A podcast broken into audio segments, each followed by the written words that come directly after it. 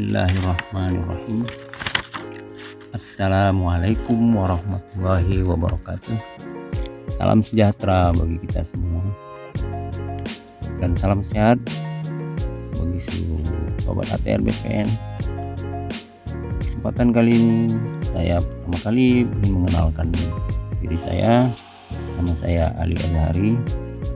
Saya adalah seorang PPN di kantor pertanahan Kota Medan dan penugasan saya ada di seksi pendaftaran tanah dan berhubungan dengan warkah pendaftaran tanah. Sini saya menampilkan suatu informasi sebagai tambahan wawasan eh, mengenai pengertian warkah tanah dan fungsinya bagi yang mengurus jual beli tanah yang telah bersertifikat mungkin pernah mendengar istilah warka dan kemudian menjadi penasaran apa itu warka. Kenapa sepertinya surat yang bernama warka itu penting sekali? Pertama sekali kita lihat warka secara historis. Menurut pendapat yang bisa didapatkan, penggunaan istilah warkah berasal dari kalimat Belanda warmer artinya tanda.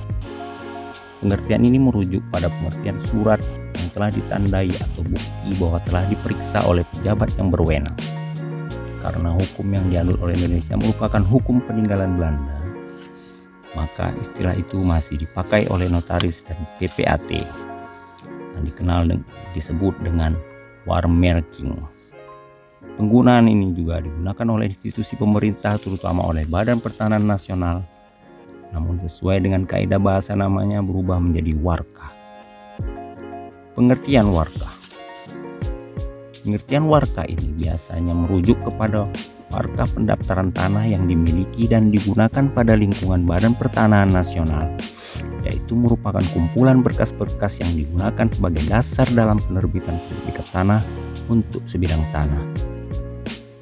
Menurut Peraturan Menteri Negara Agraria Kepala Badan Pertanahan Nasional nomor 3 tahun 1997 tentang ketentuan pelaksanaan peraturan pemerintah nomor 24 tahun 1997 tentang pendaftaran tanah yang dimaksud dengan warkah adalah dokumen yang merupakan alat pembuktian data fisik dan data yuridis bidang tanah yang telah dipergunakan sebagai dasar pendaftaran bidang tanah tersebut. Jadi secara umum, warkah yang dimaksudkan dalam peraturan ini adalah bukti tertulis yang dapat dipertanggungjawabkan secara hukum pidana maupun perdata untuk diserahkan oleh pemegang hak atau kuasanya atau pihak lain yang berkepentingan ke kantor pertanahan sebagai bahan penelitian dan pengumuman data yuridis bidang tanah yang bersangkutan dan untuk selanjutnya disimpan sebagai warga di kantor pertanahan. Selanjutnya yang ketiga di sini isi warga. Warkah yang disimpan oleh kantor pertanahan merupakan bagian yang tidak terpisahkan dari sertifikat tanah yang diterbitkan oleh BPN.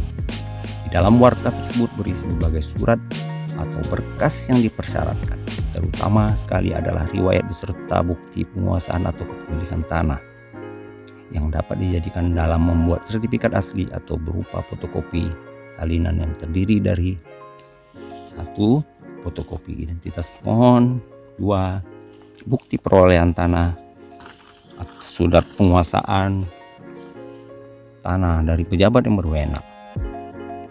Keterangan waris letter C akta perbonding Belanda. Nah itu misalnya. Yang ketiga berkas-berkas pendukung lainnya yang berasal dari formulir yang dipersyaratkan. Permohonan pernyataan-pernyataan berita acara dan lain-lain. Dokumen mengenai bidang tanah yang dibuat dalam proses sertifikat peta pendaftaran daftar isian tanah surat ukur buku tanah, SK pemberian hak atas tanah. Selanjutnya yang kelima, lampiran-lampiran lain yang diperlukan, fotokopi SPP TPBB, bukti setor pajak IMB dan lainnya.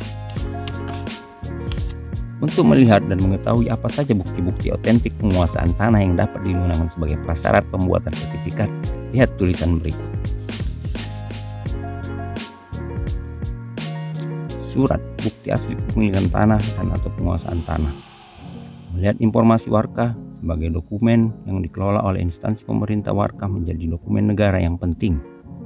Oleh karena itu yang tidak sembarangan orang atau lembaga dapat melihatnya dan mendapatkan informasi dari warga.